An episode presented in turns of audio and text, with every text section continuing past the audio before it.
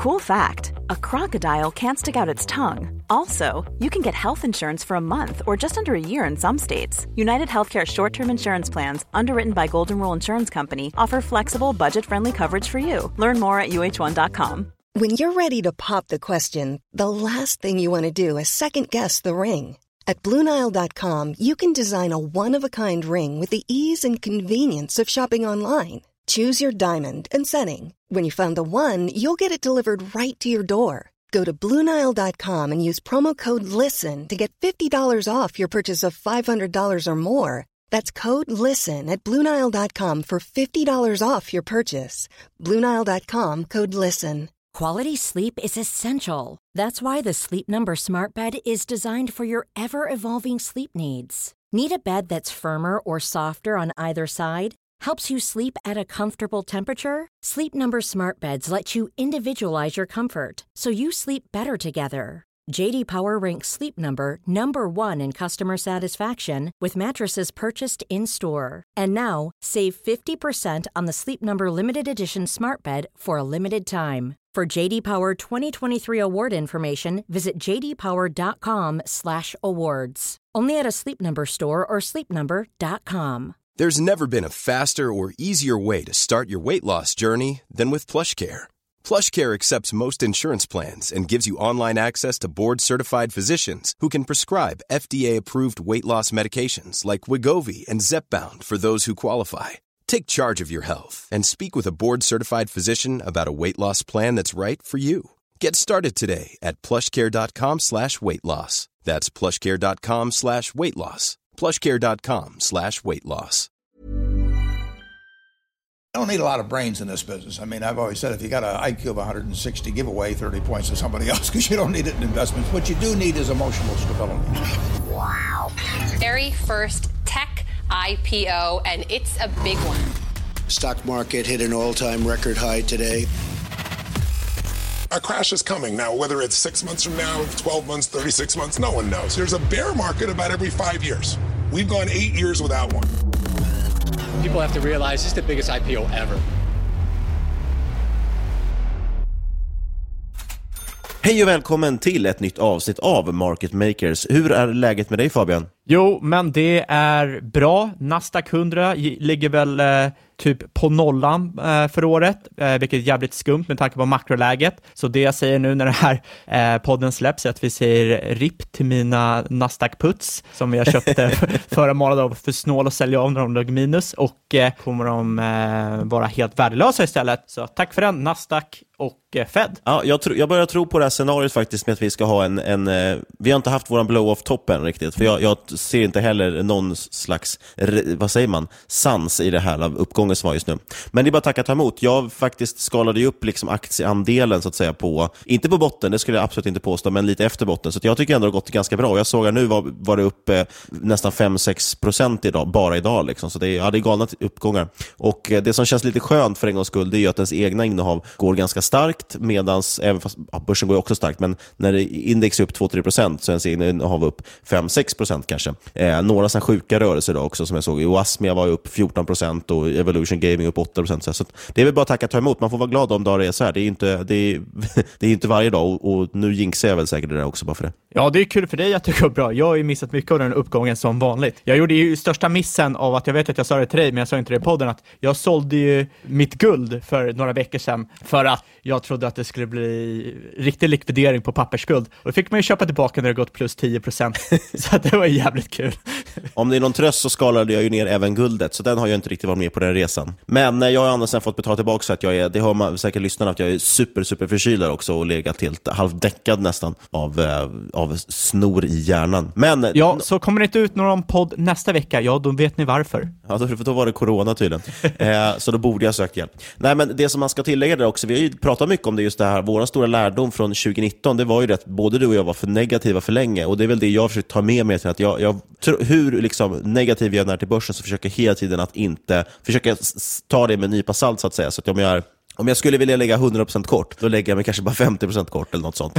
eh, så att under nedgången, då gick jag ju också back, för då, då låg jag kanske, ja, jag, jag hade ju liksom en, hedgade väl ungefär kanske 30-50% och sen så har jag liksom skalat bort det nu, så att jag har fortfarande lite, lite kvar det, men eh, man har ändå varit med på uppgången. Så jag, jag, tror att man ska vara försiktig med det. Folk vill ju att börsen ska gå upp eh, och då kommer den någonstans gå upp, eller den, den tiltar ju ändå till det hållet. Ja, framförallt han den jävla eh, P.E. Powell, som verkar tycka att det är amerikanska börsen hans privata portfölj.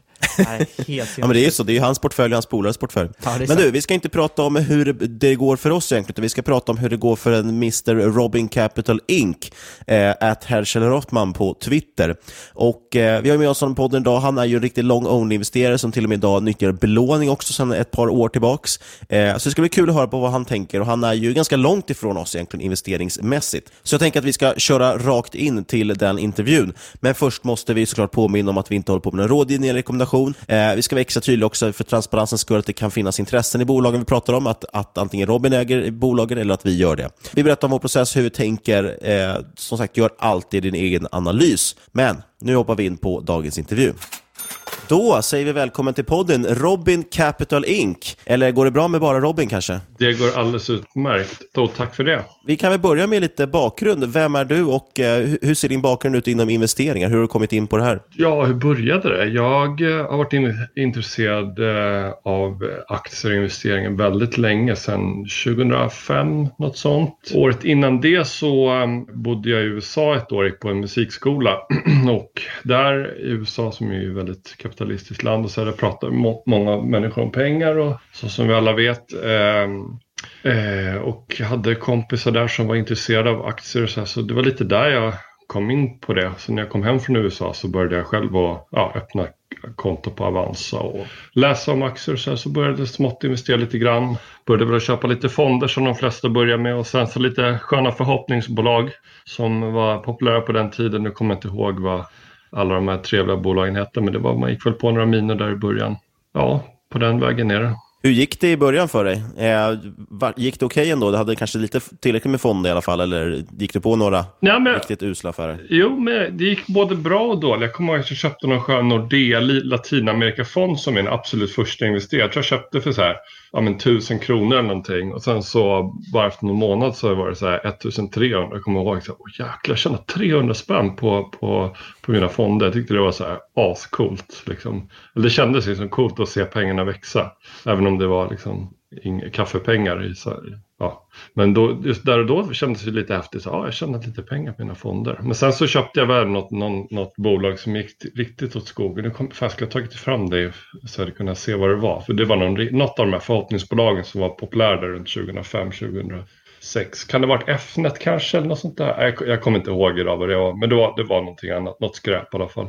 Men eh, det var ju väldigt kul. Men jag, det där med, jag släppte det där med förhoppningsbolag hyfsat tidigt. Jag insåg liksom att eh, ja, men det här är liksom inte, jag, jag, tror inte det är riktigt min grej. Det tog, mig inte, det tog mig inte jättelång tid för att fatta tycke för eh, till exempel Warren Buffett. Och jag läste väldigt tidigt den här Warren Buffett Way som jag tror många har läst.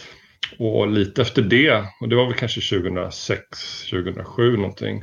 Och lite det var väl då jag egentligen började med den här långsiktiga strategin, mer man kallar, det som man brukar kalla buy and hold. Hur klarade du finanskrisen rent allmänt? Det var faktiskt jäkligt intressant att ha varit med om, om den. Eh, jag kollade för några månader sedan faktiskt. Man, Avanza är ju så pass bra att man kan gå tillbaka och se historik liksom since forever till skillnad från storbankerna som liksom raderar data eh, ja, efter 24 månader eller vad det är. Men eh, så jag gick tillbaka och kollade alla transaktioner under 2008 och eh, Ja, men, eh, jag, jag kommer ihåg det på hösten när det stod eh, 2008 när det verkligen började gå riktigt åt skogen. Eh, och där det var liksom på att bli bankrun i Swedbank, fast nu blev det aldrig det. Man, man befarade ju det, eh, att, att alla tog ut sina pengar. Så, så jag kommer ihåg att jag hade ett HSB-spar för egentligen skulle gå till eh, bostad. Eh, så jag kommer ihåg att där, jag tror att det var i oktober strax efter Lehman hade smält så, så tog jag ut de här pengarna. Det var inte så mycket pengar, det kanske var 25 000 kronor eller någonting. Men jag kommer ihåg Eh, att jag eh, tog ut dem och eh, köpte aktier i Öresund faktiskt, där i oktober 2008 för de pengarna. Och då, det blev ju en väldigt fin resa. Det var ju, det, ja, under 2009 så tror jag den gick upp, de gick upp 40 procent någonting. eller port, nej, portfölj gick upp 42 procent 2009. Så, jag kommer inte ihåg hur mycket Öresund gick upp just under 2009. Det ska låta vara osagt. Men jag kommer ihåg att jag behöll dem ett par år till eh, efter det. Eh, men jag hade ju också mer aktier eh, utöver som Jag kommer ihåg just den grejen att jag tog ut mina alltså, absolut sista besparingar i form av liksom kontanta medel. Då hade jag verkligen hade inte, inga kontanter kvar överhuvudtaget när jag hade tagit ut de där eh, bosparpengarna då, som det var tänkt. Nej men just det, och hur jag klarade det 2008, det ska jag svara på också. Jag, jag kommer ihåg, eh, 2008 gick breda index ner 42 procent. Min portfölj gick ner 26 procent enligt Avanzas de här portföljgraferna. Och det tyckte jag att det var väl ett hyfsat okej okay facit med tanke på att börsen som helhet gick ner 42 procent. Så det var ändå 16, eh, ja vad blir det, 16 procent bättre eller någonting. Eh, det är inga, inga Kavastu-grafer ehm, äh, tyvärr. Det var inga så här 100% över index, men äh, alltid något bättre äh, än index. Hur, hur, hur har det här med att vara med under finanskriget, äh, kriget, krisen, mm. påverkat din investeringsstrategi? Det tror jag fick mig, det var ju, det var ju näsbränna, det, det går inte att säga något annat. Det var det nog för alla, även för de som varit med längre var nog rätt stressade där tror jag hösten 2080. Det var nog svårt att tro att någon inte var orolig där. Ehm, men hur det påverkar jag? Jag tror, jag tror jag, personligen fick jag mer, mer långsiktig eh, placeringshorisont. Jag var ju ganska långsiktig redan innan det, men jag hade ju gjort lite mer köp och sälj och så här, eh, ja, från tid till annan. Men då, då blev jag ännu mer långsiktig. Men eh, hur det påverkar, ja, det var väl, det var väl mer så.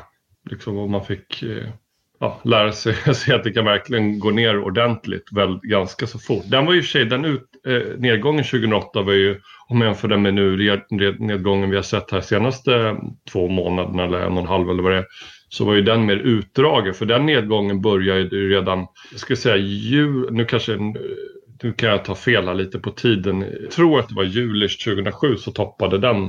den. Det var den förra toppen. Så gick det ju ner i princip till slutet på 2008, början på 2009 någonting. Så det var ju liksom en nedgång på ett och ett halvt år, ganska utdragen. Men den, det raset vi har sett nu har ju gått så otroligt fort. Det är väl ingen, det har väl aldrig varit så snabbt som det har gått ner så mycket på så kort tid. Eh, ja, hur har du hanterat den här nedgången? Förvånansvärt kyligt faktiskt. Alltså, han, jag vet inte hur man ska förklara utan att det ska låta äh, eh, sig, eller liksom, eh, utan att det ska låta förmätet. Men jag har varit ganska så eh, kyligt inställd ändå till den här nedgången som har varit. Det har, nej, ja, faktiskt. Jag liksom var ganska hyfsat likgiltig. Det var okej, okay. när det var absolut på botten där, nu var det ganska precis en månad sedan, var, ja, eller nej, runt 20 tror jag, runt 20-23 det där, runt 20 mars tror jag var botten, eller den botten som har varit nu.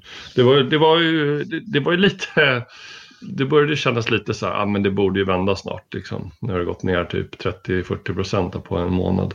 Det var, det var lite, lite, lite stressigt, men jag var hyfsat kyligt inställd till det ändå tycker jag.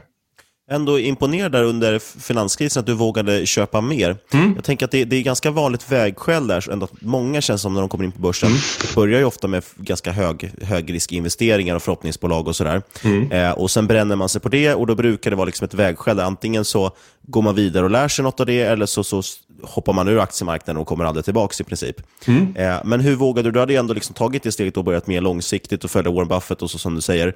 Eh, men hur vågade du ändå efter ett och ett halvt års nedgång? Liksom? Tvivlade du aldrig på eh, att det var det här du skulle hålla på med? så att säga? Nej, det gjorde jag inte eh, egentligen. För att på då, då där från 2007 då hade, jag egentligen, då, hade, då hade jag inte så mycket förhoppningsbolag, om man ska kalla det det, i portföljen. Det var någon enstaka.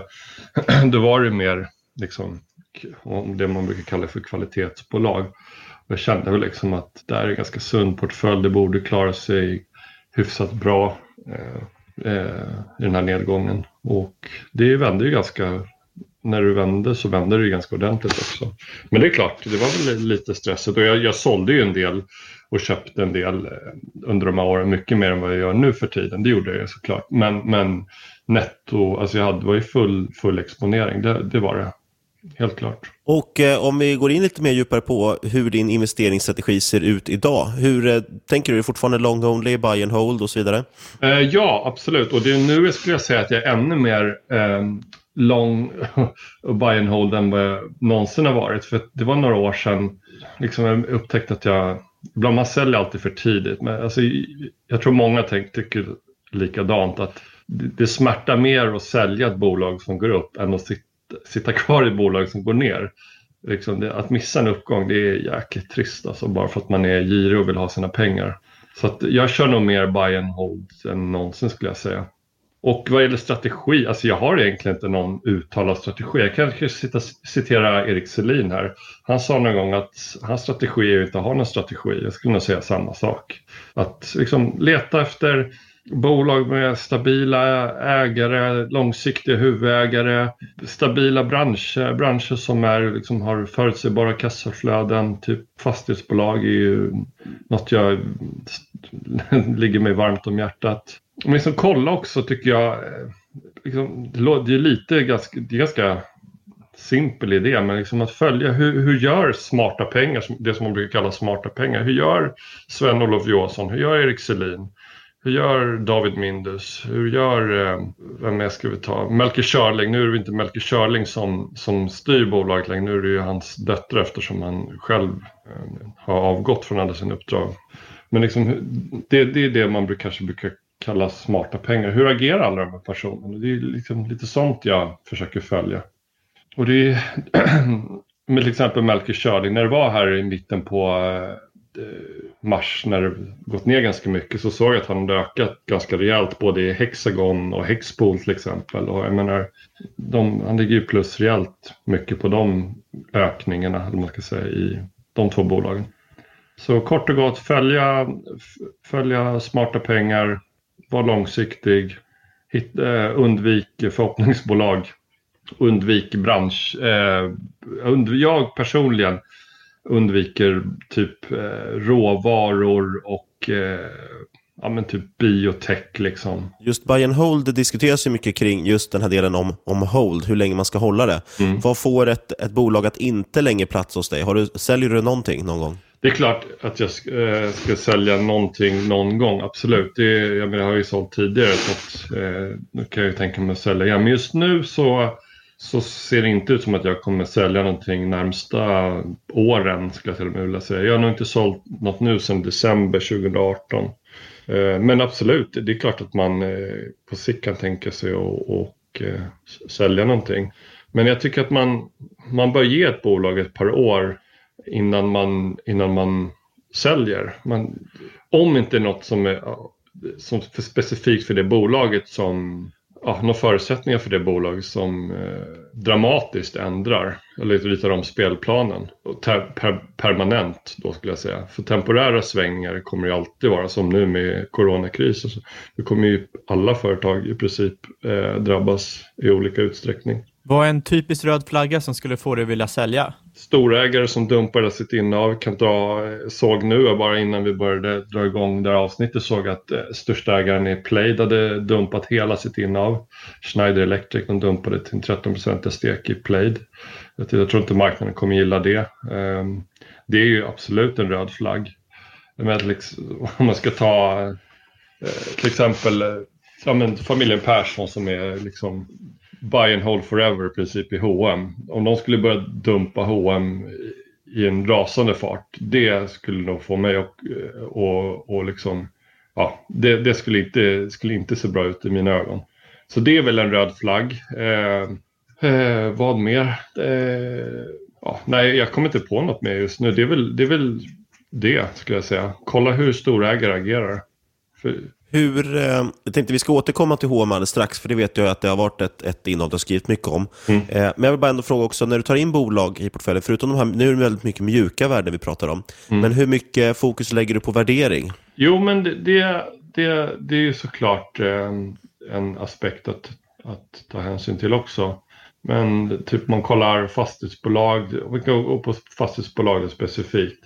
Där får man ju liksom, beroende på vad de har för typ av fastigheter i portföljen, så får man kolla lite på till exempel värdera förvaltning, P genom förvaltningsresultat. Det är ett ganska intressant mått. Om vi, tar, vi kan ta ett specifikt exempel. Vi kan ta Castellum som jag vet att många småsparare gillar.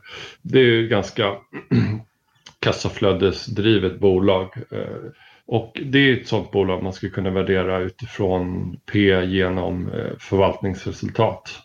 Eh, och, och även såklart NAV. Hur är NAVet, alltså eh, Net Asset Value, det vill säga bokförda tillgångarna vad, per aktie, hur, vad står den eh, gentemot aktiekursen? Som till exempel Castellens fall, om jag kommer ihåg rätt så är deras tillgångar eh, värderade till cirka 190 kronor per aktie. Nu är jag inte helt säker på om den stämmer, men jag tror att det är ungefär där. Och aktiekursen är väl på 170 kanske eller något sånt. Lite lägre, kanske 150, jag vet inte. Men jag menar, handlas den under ett fastighetsbolag, om det handlas under bokförda tillgångarna och om det inte är något nedvärdering som står för dörren på grund av kanske nu som coronakrisen. Eh, om man inte har fastigheter i, i branscher som drabbas direkt av corona låter det ju som att, i mina ögon då, att det är ett köpläge.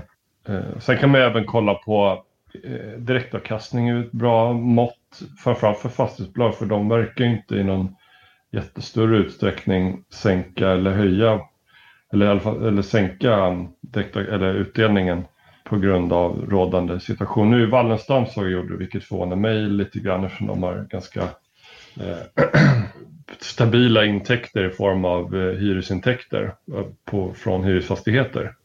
Men ändå ströp de utdelningen. Jag vet inte om de vill ha mer eh, stridskassa till, till projektportfölj eller liknande.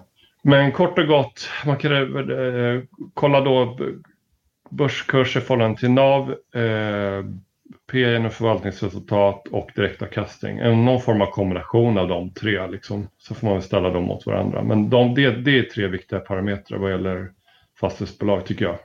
Eller som jag tittar på. Vi fick ju en eh, fråga på Twitter faktiskt kring det från Kevin Wåhlin som undrar vilket är ditt favoritnyckeltal?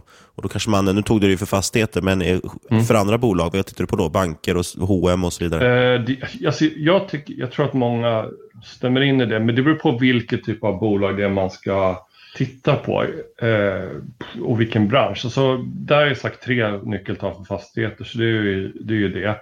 Eh, investmentbolag, då är det ju då är det helt och hållet rabatten i förhållande, eller premien i förhållande till börskurs. Det är, det är nummer ett för mig.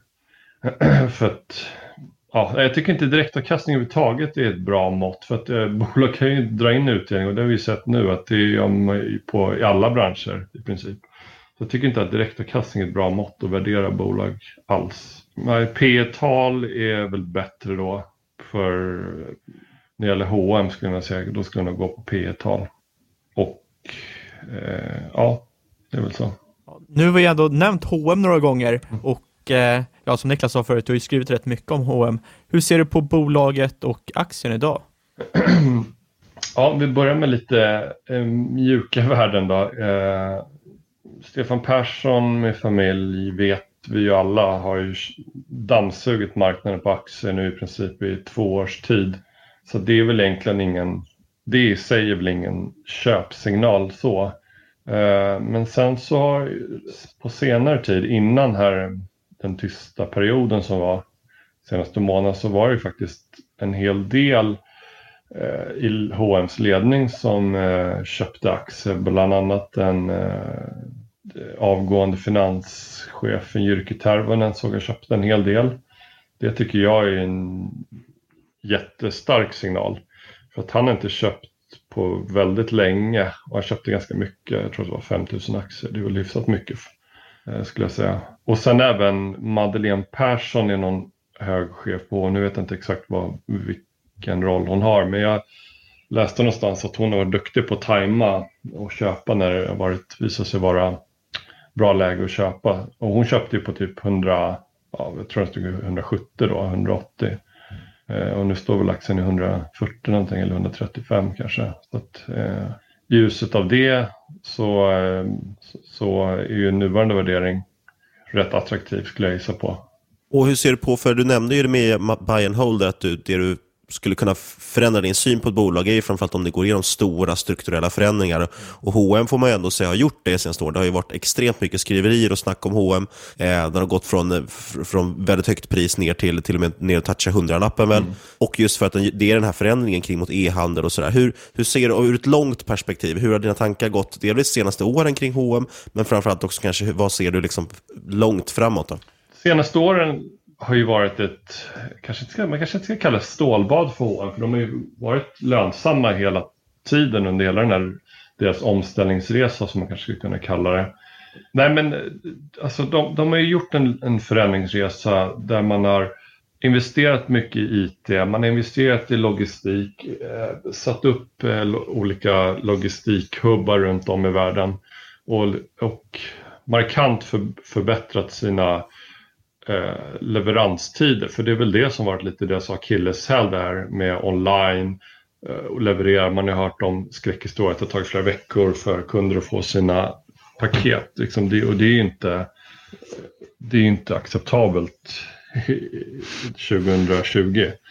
Eh, och där har de gjort en jätteresa och numera så under normala förutsättningar så eh, om man köper någonting på en måndag så kanske du har grejerna på onsdag och det är ju fantastiskt. Det är en otrolig skillnad mot för bara två år sedan när det tog en, en till två veckor. Och det tror jag är något som har gjort att de har liksom, ja, återfunnit någon, någon form av eh, vinnarspår. Tidigare har ju vinnarspåret varit för dem att bara öka butiknätet med 10-15% per år. Men det har man ju insett nu sent om sidor att det, är liksom, det funkar inte 2020 att bara öppna flera hundra butiker varje år. Online som är det, där, där, man ska lägga fokus. Eh, och där har man ju väldigt snyggt gjort att eh, man har ju liksom dragit ner på takten i butiksöppningarna och nu ska man ju nettoöppna 25-30 butiker under 2020 istället för ett par hundra som man gjorde för öppnade för några år sedan. Eh, och jag tror det är en jättesmart väg att gå. Att man stänger olönsamma butiker på mogna marknader som är Europa och USA och man öppnar eh, butiker på emerging markets. Och samtidigt som man fortsätter investera i sin e-handelsbutik eller onlineplattform. Så att de är ju verkligen på rätt spår. Eller de var ju på, på rätt spår, spår innan coronakrisen eh, bröt ut. Och det, det, kan man ju se om man tittar i Q1-rapporten. Så såg man ju faktiskt resultatet efter skatt ökade med 140 procent, vilket är helt fantastiskt bra. Eh, och sen kom ju precis efter Q1-rapporten så, så bröt ju eh, coronakrisen ut. Så att Q2-rapporten kan man nog räkna med att det kommer nog vara, eh, bli förlust i Q2. Det vore något annat vore osannolikt. Så det, men det har ju marknaden redan diskonterat eftersom aktien gick ju ganska snabbt från 200 kronor till 100 kronor och sen nu studsat upp lite grann. Så mycket skit är nog diskonterat i, i eh, nuvarande börskurs.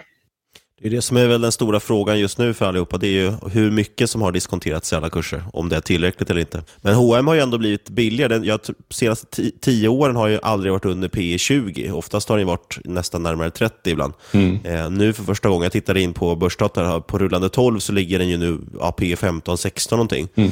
Rent historiskt i alla fall så låter det väldigt billigt. Sen vet man ju inte vad som händer, men eh, förhoppningsvis så driver ju sedan corona in folk på e-handeln och det borde ju ge lite bättre marginaler för dem också kanske. Ja, eh, absolut. Eh, och ja, men nu, nu blir det väl det här lite av ett förlorat år. Eh, även om Q1 såg väldigt bra ut så har ju Q1 väldigt eh, lite genomslag på helårsresultatet. Det är väl Q4 tror jag som historiskt brukar vara H&M's eh, mest vinstrika kvartal. Så, men om de om, nu, om vi nu bara hypotetiskt eh, leker med tanken att, att den här krisen börjar ebba ut i maj, juni och att eh, köparna, då pratar vi eh, konsumenterna, kommer tillbaka till butiker och till online så, så kanske det inte blir så blodigt som mars månad visade när eh, H&M's försäljning rasade med, eh, jag tror det var 46 procent year on year, alltså mars månad i år jämfört med mars, mars månad förra året. Och jag menar, fortsätter året så var, att varje månad är 46 procents nedgång för resten av året, då, då, är, då är ju nuvarande börskurs eh, lite väl dyr, tror jag. det, det, det måste, får man nog ändå säga, men antagligen så, så slipper vi nog att det blir så blodigt. Sen kommer nog den här återhämtningen ta några månader, men de visade, eh, nu att jag har jag inte um, lagt det på minnet exakt hur bra eh, återhämtningen Eh, var i Kina, men de illustrerade Q1-rapporten lite hur, hur återhämtningen har sett ut i Kina efter corona och det har gått ganska fort där. Så att, jag vet inte om de visar det för att på något sätt visa så att man ska få en bild av hur fort det kan gå i, i övriga världen för att återhämta det här, eh, återhämta sig efter den här krisen som har varit, eller som är snarare. Eh, allmänt när det kommer till bolag, för, är, det, är det så att du föredrar större bolag framför mindre bolag? Generellt sett ja, eh, det, det, det, tycker jag.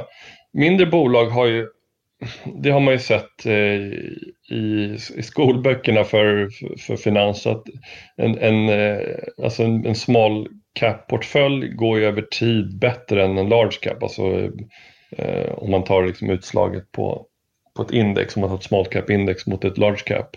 Men det är ju svårare också att göra stockpicking bland mindre bolag för där kan man gå på de riktiga nitarna. Men absolut, överlag så uh, gillar jag större bolag än mindre bolag. Vad har du förväntning uh, på avkastningen uh, rent allmänt för portföljen? Alltså, det är svårt att ha förväntningar så. Man kan ha mål. Liksom, mål är ju att försöka slå index. Det har väl de flesta skulle jag gissa på.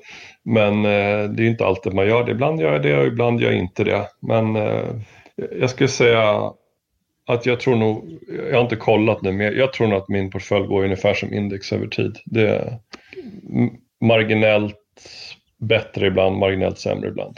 Och eh, jag vet ju att du använder belåning i din portfölj. Mm. Eh, jag skulle jättegärna vilja höra lite mer om delvis hur, hur det kommer sig att du började med det, hur du tänker kring det, framförallt nu kanske också när du haft en nedgång. Eh, och också, är det kopplat till det här med avkastning, att du tänker att om, en, om man levererar ungefär som index och så adderar man lite belåning på det så borde det över tid ge ett bättre resultat? Helt rätt Niklas, det, det stämmer.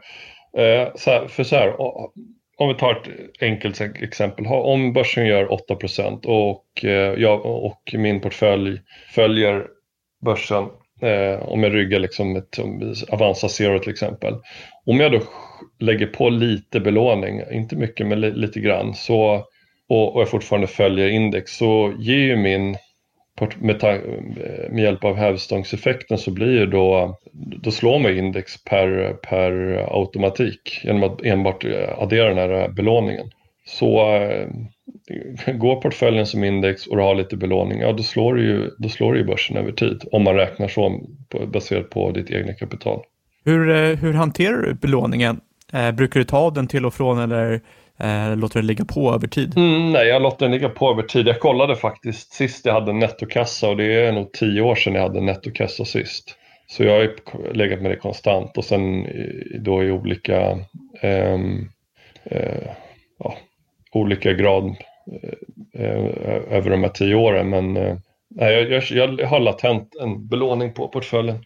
Och hur kom du in på att använda det och eh, ja, hur tänker du kring det i, i allmänhet? Liksom? Men om vi säger så här, att om vi säger att börsen, lite trubbigt räknat, eh, går upp 8% per år och sen så, så har du en, en, en, en belånings eller räntekostnad på din belåning på ungefär 2% Då har du ju, om man då är långsiktig som jag är, då har man ju liksom 6% gratis. Alltså gratis avkastning. Alltså skillnaden då mellan avkastningen och eh, den ränta du betalar för din belåning. Då, då har du de 6 procenten gratis. Så det, det, är väl lite så jag resonerar och det har ju funkat bra över tid. Det är klart att det slår ju extra hårt så nu den här nedgången som har varit. Men eh, det blir ju då också en omvänd effekt när det går upp. Som exempel kan vi ta förra året gick min portfölj upp 61,5 procent. Men i år så är jag ner eh, 34-35 procent tror jag är ner. Så det slår ju väldigt hårt åt båda hållen. Men eh, kan man bara hålla sig flytande så över tid så är det kan det, vara, kan det nog vara bra att ha en belåning. Såklart inte mycket, men lite grann. Det är nog inte fel att ha en 5-10% eh, belåning i portföljen över tid, tror jag.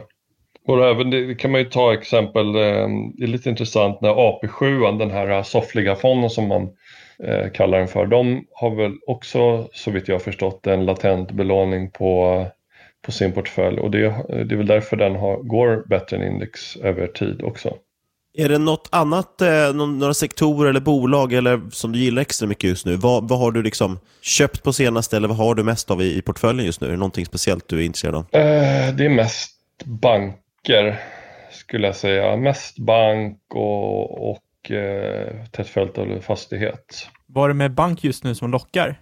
Eh, ja, bra fråga. Jag, tyck, jag tittade faktiskt, fan, jag hittade någon graf på hur Um, hur eh, P genom eh, eh, börsvärde har, eller book, förlåt, P genom book value har gått, utvecklat sig senaste tio åren i bank. Och då visade det sig, eller såg jag att eh, så som bankerna värderas nu, alltså P genom eh, price genom book value, så lågt värderat har inte bankerna varit sedan Greklandskrisen där sensommaren 2011, det vill säga nordiska snittet, om man tar alla storbankerna och gör ett snitt på det så är det typ 0,7-0,8 vilket är helt otroligt bra. Det vill säga bank, eh, marknaden har ju eh, diskonterat att det kommer att komma en jäkla massa skit i bankernas eh, resultaträkningar framöver. Förmodligen då i form av ökade kreditförluster. Swedbank hade vi redan reserverat såg jag 2,2 miljarder för kreditförluster. Eh, men eh, jo, eh, jag tycker eh, man skulle kunna köpa bank baserat på att eh, den historiska värderingen eh, på de bokförda tillgångarna eller på eget kapital är historiskt lågt. Eh, det, är liksom, det är nästan nere på nivåer som man såg under finanskrisens botten och då, alltså när absolut bottnade ur där hösten 2008 var eh, P genom eh, book value eh, ner på 0,5 så det är liksom inte långt ifrån Lehman-nivåer. Så eh, baserat på det så tycker jag att eh, bank ser väldigt, väldigt attraktivt ut. Är det, är det främst svenska banker eller kollar du på internationella banker också? Då? Nej, jag, jag håller mig faktiskt bara till, eh, till svenska bolag överhuvudtaget. Eh, så att det, nu pratar jag enbart eh, svenska storbanker. Jag har inte kollat hur det ser ut i ett internationellt perspektiv, hur, andra hur det ser ut ute i Europa eller USA. Hur kommer det sig att du främst håller dig till svenska bolag? Eller att du bara håller dig till svenska bolag, rättare sagt? Eh, nej, men eh, det, det, är väl lite lat, alltså så här lätt, eller vad man ska säga. Det, det, är lätt, det finns mycket information, man vet vart man ska leta, det finns insynslistor och kolla hur insiders agerar.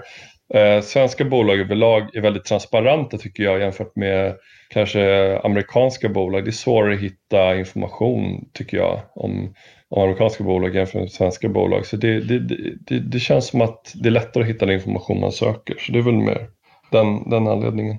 Och sen så det, slipper man hålla på och bråka med källskatt, källskatt och annat om man har svenska bolag. Även om man får tillbaka den vid ett senare tillfälle så känns det, så svider lite att den där pengarna dras av från sin utdelning. Så att, eh, ja, det är väl det. Ja, det är två år eller vad det tar att få tillbaka dem. Ja, om man ens får tillbaka dem. har en, jag, har ju inte, jag har inte mina pengar i en kapitalförsäkring, där vet jag att man får tillbaka det. Jag har ISK och där får man inte tillbaka dem så vitt jag har förstått. Så det, det är väl också en anledning till att jag inte har några utländska bolag. Du har ju väl i ISK har du ju möjlighet själv att kräva tillbaka det, men det är väl ett, eh, jag vet inte någon som gör det. Det är Nej, ett jag, stort jobb kan jag tänka mig. Jag tror att, det är, jag tror att man kallar det söka restitution då från respektive lands skatteverk. Jag tror att det är, man skulle kunna ha det som en, en grej och se om det ens är möjligt att göra det. Men ja visst, då får man skicka um, papper till uh, de olika ländernas skattemyndigheter. Kan vi, kan vi göra försök? Det var väl det de gjorde var det Dirty Money på Netflix som gjorde ett avsnitt om det? Eh, där det var några på PVC eller vad som hade kommit på. De lyckades ju med det och lyckades få tillbaka dubbel skatt och ibland trippel och fyrdubbel skatt. Så de satte ju det här i system och drog ut ett antal miljarder kronor i det. Jaha, intressant. Nej, jag missade det avsnittet. Det var ett extra knäck om det inte går bra. Exakt. Jag tror att det var Dirty Money. Jag ska, jag ska kolla upp vad det var för... Ja. för Nej, det är annars en, eh, en bra serie. Jag såg bara den med eh, han, eh, Bill Ackman. Det var, det var riktigt bra avsnitt. Kan jag rekommendera. Och för det, de som inte har sett det. Det låter som eh, nya säsongen, eller? Eller är det den med, eh, eh, vad heter de? Herbalife? Ja, det var den precis om, om Herbalife. Rikt, riktigt intressant. Det är guld. Mm. Det är kul nu att han, eh, Bill Ackman har fått en liten revansch på börsen. Efter Ja. halvtaskiga år innan. Jag har sett det. Han har gått ut och blivit coronaexpert på Twitter har jag, har jag sett.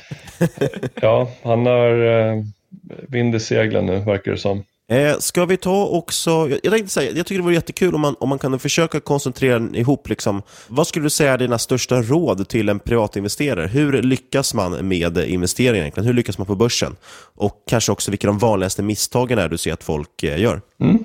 Ehm, jag tycker överlag så ska man hålla sig borta från olika Facebook-forum. Man ska hålla sig borta från placerarforumet och även eh, Alltså, för, alltså Twitter är ju lite bättre kvalitet tycker jag på råden än vad som ges i olika typer av Facebookgrupper och Placera-forumet. Men överlag försök att, att följa vad, återigen, vad, eh, vad, vad storägarna gör. Följ vad eh, eh, erkänt skickliga investerare, hur hanterar de sina pengar? Vad gör de med, eh, hur agerar de? Eh, följ, följ duktiga investerare. Det är ett väldigt simpelt råd som jag tror, jag vet inte, det känns som att många tror att man får bättre råd genom att läsa på Placera eller följ, vara med i någon Facebookgrupp som heter Aktieraketer. Och det, det kanske kan locka folk att, eh, att vara med där för de tror de får känslan av att eh, man kan göra tusentals procent i något förhoppningsbolag. Men jag tror att på sikt så kommer man, eh, man kommer nog bara bränna sig på fingrarna genom att följa råd som ges på sådana grupper. Så följ duktiga investerare och agera hur, utefter hur de gör. Så, så, så kommer det gå bra. Det är väl en klassiker där man ser inlägg, folk som säger jag har 10 000 spänn och ska resa till Thailand om tre månader och vill finansiera resan. Vilken aktie ska jag köpa? Eh, Jag säger så här, lägg dem i madrassen. Eh, det bara, jag tänkte bara jag skulle flika in den dokumentären jag pratade om. Jag tror att jag såg den på SVT Play, men den kan inte finnas eh, kvar längre. Så det var, ju, det var en, Mm. en långfilmsdokumentär så att säga. Som jag inte minns vad. Jag ska se om jag kommer ihåg det, sen kan jag lägga det i avsnittsbeskrivningen sen till de som lyssnar. Ja. Ska vi köra några till eh, lyssnarfrågor? Vi har ju vävt in det mesta från, eh, eller frågorna från Twitter eh, i, i de andra frågorna här, men vi har ju några så som ligger löst. Eh, ska vi köra dem Fabian, tycker du? Absolut, och då är det en användare som heter eh, TR och han undrar om du har eh, kollat in Klövern och i så fall vad du tycker om dem. Eh, Rutger Arnult som är storägare i Klövern är ju en riktigt, riktigt duktig investerare. Eh, Det som är intressant med, med, med, med, med Rutger är ju att hans bästa investeringar tenderar ju vara andra bolag som han själv inte är engagerad i. Till exempel han är ju storägare i Sagax där han inte så vitt jag vet är operativt, operativ i. Och eh, det är ju egentligen den, det bolaget som så vitt jag kan se som egentligen skapat hans förmögenhet. För Klövern har ju också gjort en fantastisk resa här på slutet. Det är ju dock senaste ett, två åren. Men jag, eh, Rutger har varit VD på Klövern sedan 2012 när han tog över Klövern via Corem där han var tidigare VD så köpte han in sig i Klövern via Corem. och då blev på så sätt fick jag makten i Klövern genom att använda sitt andra bolag om man ska kalla det så för att ta över Klövern och då manövrerade han väl ut de tidigare huvudägarna i Klövern men svaret på frågan, alltså, jag vet inte, jag är lite ambivalent inställd till Klövern. Jag tycker att jag inte, jag, jag ska tillägga, jag har inte läst, lusläst eh, deras räkenskaper och, tid och så vidare, men jag får en känsla att de har agerat, han har agerat upp bolaget alldeles för mycket. Det är för mycket obligationslån, det är för mycket preffar i balansräkningen. Eh, allmänt liksom hög belåning och, och lite vidlyftiga projekt tycker jag. Alltså, nu kunde, kunde ingen veta det, men det är lite intressant att det senaste förvärvet han gjorde på Manhattan, det sammanföll med eh, toppen på börsen 2020, där 24 eller 25 eh, februari. Och, så att jag, ja, det var ju väldigt olycklig timing som ingen kunde veta om, men det var egentligen inte timingen i sig som var lite oroväckande, utan där att man, jag har hört honom i tidigare poddar där han sagt att ja, men vi gillar att köpa på våra marknader, vi gillar att känna våra, våra marknader. För då var det någon som frågade, ja, men ska inte expandera till Finland eller någonting? Så här. Då sa nej men vi gillar att hålla oss till Sverige och kanske lite Danmark, för det är liksom, vi kan de marknaderna. Och då tyckte han att Finland var, om jag kommer ihåg rätt, att det var liksom lite så här, eh, ja, det är lite för långt utanför en circle of competence. Men då, då, då funderar jag så här, om nu Finland är lite utanför deras circle of competence, och vad är då Manhattan, New York? Vad, vad skulle Arnhult och company kunna tänkas tillföra för mervärde där, kan man ju fråga sig på andra sidan Atlanten. Så det är lite så här, det andas ganska mycket hybris tycker jag. Eh, så att eh, det, det, det, det känns inget bra. Magkänslan är, är nja, skulle jag säga. Är det, är det liknande tankar kring Corem också? Jag har inte lika bra koll på Corem och nu är inte han, han är ju fortfarande storägare där och jag vet att de håller på med lager och logistik lite samma nisch som Sagax. Jag tror nog eh, Corem får en känsla av lite mindre vidlyftigt. Eh, så att jag, jag, skulle spontant säga att Corem känns som, som ett bättre val om man skulle stå, stå mellan de två. Utan att ha kollat på värderingen på respektive bolag. Vad skulle du, rent allmänt, vad skulle du säga är dina eh, favoritfastighetsbolag eller topp tre, eller vad man skulle kunna säga? Jag får väl för transparensens skull kanske utgå från att du äger, även äger de bolagen eftersom du gillar fastigheter. Eh, ja, precis. Eh, nej, men jag tycker eh, Castellum är ett fint bolag. Eh, 21 år med utdelningen stigande liksom i följd. Det är jättefint.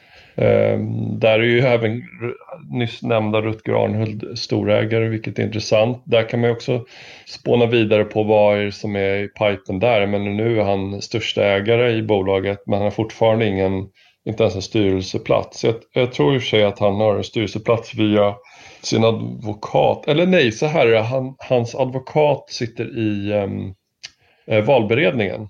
Men de har ingen operativ roll och ingen styrelseplats än så länge. Så det ska bli intressant att se vad som händer där på sikt. Eh, liksom, kommer det komma någon form av samgående mellan Klöven och Castellum eller eh, Klöven Corum Castellum? Alltså någonting tror jag, om man ska liksom spekulera lite här, så jag tror någonting kommer hända här i kommande åren. Om man tittar på han agerat tidigare så har ju han gillat, Rutger gillat att göra olika typer av strukturaffärer inom fastigheter. Och in i Tribona och håller på i Dagon. Nu, nu sålde de väl för sig Dagon. Eller, ja. Men det, det, det, någonting tror jag kommer hända. Jag tror inte bara att det är en finan, rent finansiell placering i Castellum. Utan jag, jag tror att han har någon, någonting i kikaren där. Ja, om, jag ska, om jag ska vara tvungen att gissa så ska jag gissa på ett samgående mellan Klöven och Castellum på, på lite sikt. Rutger köpte faktiskt, det var ju någon vecka sedan bara, köpte han för 34 miljoner ungefär i eh, Castellum. Okej. Okay. Så han är ju definitivt eh, intresserad av bolaget så att säga. Mm. Eh, någon mer förutom Castellum som du inte kikar på? Eh, jag tycker Balder är riktigt, riktigt bra bolag. Det är ett, där är ju återigen, det är ett intressant case och ta det här med varför inte utdelningar inte alltid är av godo. Jag ser många på Twitter framförallt som pratar om utdelningar, eh, att det, är så, att det är så viktigt. Men det är ju faktiskt inte det som är viktigt utan det, utan det är ju totalavkastningen som är det viktiga. Och tittar man på Balder som till dags dato inte har delat ut en enda krona åt sina stamaktieägare så, så har det ju varit otroligt framgångsrikt att återinvestera vinsterna i verksamheten och få den här fantastiska ränta på ränta-effekten som han har genererat åt sina aktieägare. Nu har inte jag eh, färsk siffra i huvudet men jag tittade för inte så länge sedan på Avanza kan man ju se Morningstar-rapporter som jag tycker är väldigt fint verktyg, kan rekommendera alla att använda om man vill få bra, liksom bra översikt på bolag över tid. Där kan man ju se hur den har gett totalavkastning i snitt, eller alla bolag kan du förresten kan du se hur ett bolag har gett över tid totalavkastning. Eh, och där Balder har gett, när jag tittade då för kan det vara ett halvår sedan, då hade den gett, senaste tio gett 40 procent årlig totalavkastning åt sina aktieägare. Till, som jag ser det, till ganska låg risk. Och eh, det, är, det är inte många bolag som slår det. Det är fantastiskt bra. Apropå Morningstar-rapporter, innan vi börjar avrunda här så skulle jag bara vilja fråga, har du några sådana verktyg som du gillar att använda? Eh, man kan ju tänka sig börsdata eller, eller eh, ja, du säger att du använder Avanza till exempel, jag antar att du tittar lite på deras sajt också. Mm. Har du några sådana favoritverktyg? Ja, jag, alltså jag använder faktiskt inte börsdata själv. Eh, jag, använder, jag gillar Morningstar-rapporterna, de brukar jag titta på. Eh, jag tycker även den här eh, IB-index och fast, eh, heter den andra heter FB-index tror jag, som, där du kan se värderingar på fastighetsbolagen jämfört med, alltså NAV jämfört med börskurserna. De gillar jag att använda för ganska enkla verktyg men du ger en väldigt bra överblick. Så de skulle jag rekommendera, IB-index och jag tror att den andra heter FB-index. Och även de här Morningstar-rapporterna. De här Morningstar-rapporterna är lite dolda på Avanza, så jag, många vet inte om att de finns. Men de, om man går in på, på en aktie så finns de där nere till vänster under, eh, under börskursen tror jag. Ja, någonstans där så, så kan man trycka på den. Och, ja, där, längst ner är det eh, ja, under alla de här aktiedatan så står Morningstar faktablad. Där kan man trycka för att få upp den. Den, den, är, den ska jag rekommendera. Det är väl de verktyg jag använder. Sen såklart eh, årsredovisningar för alla bolag och rapporter. Sen innan vi börjar runda av så brukar vi alltid köra en eh, liten lek, man ska säga, som heter Några snabba. Och det är i stort sett att vi eh, säger ett ämne eller no något ord eller någonting och det första du kommer på mm, ger du som svar. Och eh, första jag säger då, det är guld. Eh, skit. Spontant vintips? Uh, ja, det beror ju på um, prisklass, men um, vi säger, um, vi säger då. Vil vilken av dem? Uh, den, den här... Uh, Eller vilken druva snarare? Oh, bra fråga. uh, den som kostar typ 115 på bolaget. Jag kommer inte ihåg vilken druva det kanske är Zinfandel eller vad det kan vara. Uh, favoritbok? Uh, Oj, den var svår. Um, men vi tar någon som jag läst nyligen då. Vi, vi, vi, tar Barbarians at the Gate. Den är, den är riktigt bra. Den ska jag läsa om i, i sommar tror jag. Var det med den eh, som du gillar? Den handlar ju om uh, utköp, köpet av, eh, det var en leverage buyout av RGR Nabisco som var ett stort uh, liksom, tobaksmatkonglomerat eh, på 80-talet. Och då får man följa eh, två olika läger eller om det är tre olika läger som fightas om det här bolaget. Det är otroligt spännande. Det är som, liksom som en business thriller bara att det är en liksom, helt verklig eh, händelse. Den kan jag rekommendera för alla. Jag tror faktiskt den finns som eh, film också. Ingen aning om den är bra eller inte, men jag, jag har för mig att jag har sett den någon Ja, det gör den. Och det som är intressant, jag har inte sett den själv, men det som är intressant med det är att filmen står att det är en, äh, den, den, beskrivs att det är en komedi. Men om man läser boken så tycker jag knappast att det är en komedi, snarare en thriller. så jag, jag, förstår, jag vet det ska, vara, det ska vara intressant att se hur de har fått till det till en komedi. För att jag tycker inte att boken är en komedi, långt ifrån, snarare en thriller. Nej, det var länge sedan jag läste den, men jag kommer ihåg att den kändes väldigt actionspäckad. Och det kan man inte tro om man inte läst en bok om en leverage buyout förut, men eh, mm. Mm. Det, det, känns lite som en actionfilm. Ja, absolut. Helt klart. Föredrar du stor uppsida eller låg nedsida? Låg nedsida. Och sen, vad är risk för dig? Förhoppningsbolag. Din sämsta och bästa investering skulle vi vilja höra och eh, framförallt vad de har lärt dig då också. Ja, den sämsta investeringen, jag, jag tänkte att jag skulle tagit den tidigare men eh, jag glömde faktiskt bort den så det är bra att ni tog upp det. Det är HQ Bank. Det var en, eh, en riktig näsbrännare för mig och jag, gjorde, jag hade ganska mycket investerat i det bolaget eh, på den tiden jag pluggade då så det blev, var en eh, väldigt tråkig historia. Jag gick back 99% på den, slutade på. Bästa investering. Det får man ju ändå säga att det är en flopp. Det är en flopp. Min bästa investering eh, är faktiskt ett onoterat bolag som heter numera Lohilo Foods. Tidigare Alvesta Glass. Och där har jag, vet inte, jag vet inte exakt i procent hur mycket det är, men det är nog 300-400 procent, 300 procent i alla fall, så mycket vågar jag säga att det Hur, eh, vad, vad, har du lärt dig av de här två affärerna? Um, Finns det några lärdomar? Uh, lärdomen för Hockeybank är att försöka uh, undvika uh, att äga rena Eh, affärsbanker. Det var ju lite samma med, som hände med Carnegie också. Det var också ett liknande typ av bolag som också gick, och gick åt skogen. Så att eh, ska man äga bank, äg en, en bred bank, inte en nischad bank som enbart i princip sysslar med trading. Um, vad har jag lärt mig med eh, Lohilo Foods? Um, ja, nej, ingenting speciellt. Det är att starka varumärken är, brukar vara, bli en bra investering på sikt. Och sen den här intervjuns sista fråga. Var följer man dig bäst? Uh, ja, det är väl på Twitter skulle jag säga under Robin Capital. Precis, och du har ju ett eh, Herschel Rothman som, eh, som handle på Twitter kan man tillägga det också. Mm, precis. Är det någonting du vill tillägga? Eh, nej, det är trevligt att få vara med i er podd. Det var jättekul. Jättekul att ha med dig. Ja, detsamma. Precis. Och eh, stort, stort tack för att du har gästat oss idag. Tack själva. Och där var intervjun klar. Och eh, ja, fan jävligt kul att ha Robin i podden. Eh, jävligt klok kille. Ja, och podddebut för honom också, så det var kul att vi fick vara först med det. Eh, han är ju väldigt synlig på Twitter och skriver mycket och sådär, men det var kul att få höra lite hur han, ja men dels hur han låter och hur han tänker och, och faktiskt få ställa frågorna så att säga och få lite längre resonemang på det. Men nu ska det är vi... alltid kul att ha folk med annan filosofi och lite andra tankar på börsen eh, komma och gästa podden så man får en helt annan vy. Precis, och vi ska ju som sagt, som jag sa för något, någon vecka sedan, att vi försöker få in också lite long-only-människor nu, eh, just för att ge lite positivitet till börsen. Inte för att det verkar behövas nu, men vi trodde att det skulle behövas. Vi har ju även Magnus Andersson bokad bland som ska göra en, en, comeback här i podden. Det ska bli jättekul att få lite uppföljning på hur det gått för honom. Vi brukar ju dra någon innehållsförteckning. Vi pratar om väldigt mycket bolag. Eh, jag vet att eh, Robin har nog intressen, kan vi utgå från att Robin har intressen i alla bolag han har pratat om, om inte, ja, så, så har vi den transparensen med. Så jag vet att bland annat han äger H&M och, och en del fastighetsbolag och sådär. Men jag tror inte vi äger väl ingenting om det här, av det här vi har pratat om egentligen idag, eller hur? Nej, eh, inte på några år i alla fall. Så att det måste vara förlegat för det här laget. Ja, men precis.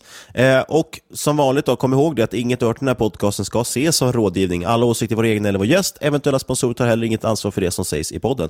Tänk på att alla investeringar är förknippade med risk och sker under eget ansvar. Om det är så att ni känner er lite ensamma på kvällen eller helt enkelt inte får gå ut och träffa kompisar, kontakta oss på podcast marketmakers.se eller hör av er på Twitter at marketmakerspod. Och tyckte ni om det här avsnittet, gå jättegärna in och lämna en recension på iTunes och eh, kasta några stjärnor åt vår håll. För det kommer få oss att klättra i rankingen och vi kommer få ännu fler lyssnare och vi kan eh, ja, locka till oss ännu fler bra gäster som eh, dagens gäst Robin. Precis. Och alla grejer vi har nämnt idag kommer vi försöka länka in här under avsnittsbeskrivningen också, bland annat det här vinet, eh, den här boken, eh, även dokumentären som jag pratade om som jag kom på. Jag tror den hette Jakten på de försvunna miljarderna, tror jag. Eh, verkar inte finnas kvar på SVT, men man kan ändå läsa om det. Det var väldigt spännande faktiskt. Och sist men absolut, och sist, men absolut inte minst så vill vi säga stort, stort tack för att du har lyssnat och vi hörs igen om en vecka.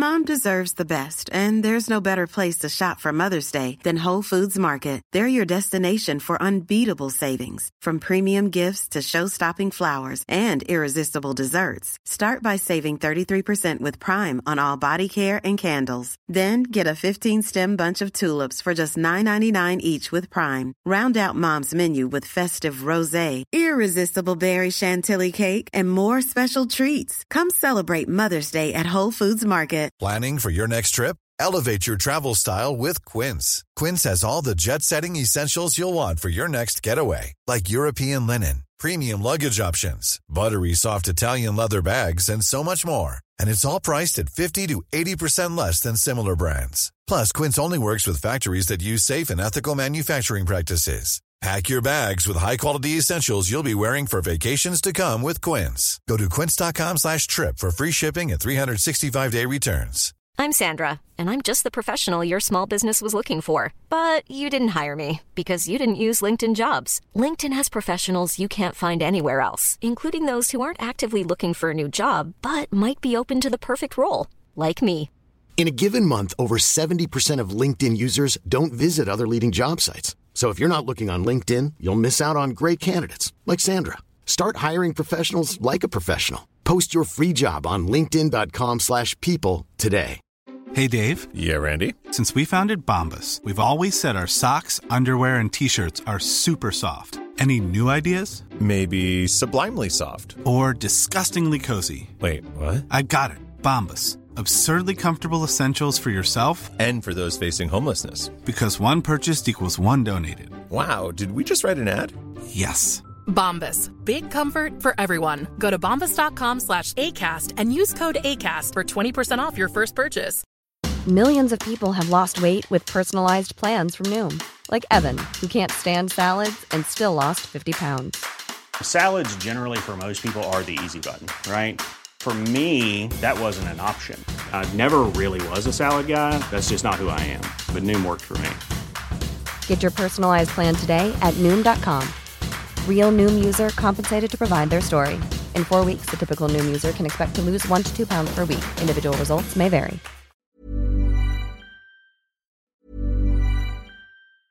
Mom deserves the best, and there's no better place to shop for Mother's Day than Whole Foods Market. They're your destination for unbeatable savings, from premium gifts to show-stopping flowers and irresistible desserts. Start by saving 33% with Prime on all body care and candles. Then get a 15-stem bunch of tulips for just $9.99 each with Prime. Round out Mom's menu with festive rosé, irresistible berry chantilly cake, and more special treats. Come celebrate Mother's Day at Whole Foods Market. Hey, it's Danny Pellegrino from Everything Iconic. Ready to upgrade your style game without blowing your budget? Check out Quince. They've got all the good stuff shirts and polos, activewear, and fine leather goods, all at 50 to 80% less than other high end brands. And the best part? They're all about safe, ethical, and responsible manufacturing. Get that luxury vibe without the luxury price tag. Hit up quince.com slash upgrade for free shipping and 365 day returns on your next order. That's quince.com slash upgrade. Hi, I'm Daniel, founder of Pretty Litter. Did you know cats tend to hide symptoms of sickness and pain? I learned this the hard way after losing my cat, Gingy. So I created Pretty Litter, a health monitoring litter that helps detect early signs of illness by changing colors, saving you money and potentially your cat's life. Pretty Litter is veterinarian developed, and it's the easiest way to keep tabs on your fur baby's health right at home. Go to prettylitter.com and use code ACAST for 20% off your first order and a free cat toy. Terms and conditions apply. See site for details. Mom deserves the best, and there's no better place to shop for Mother's Day than Whole Foods Market. They're your destination for unbeatable savings, from premium gifts to show-stopping flowers and irresistible desserts. Start by saving 33% with Prime on all body care and candles. Then get a 15-stem bunch of tulips for just $9.99 each with Prime. Round out Mom's menu with festive rosé, irresistible berry chantilly cake, and more special treats. Come celebrate Mother's Day at Whole Foods Market.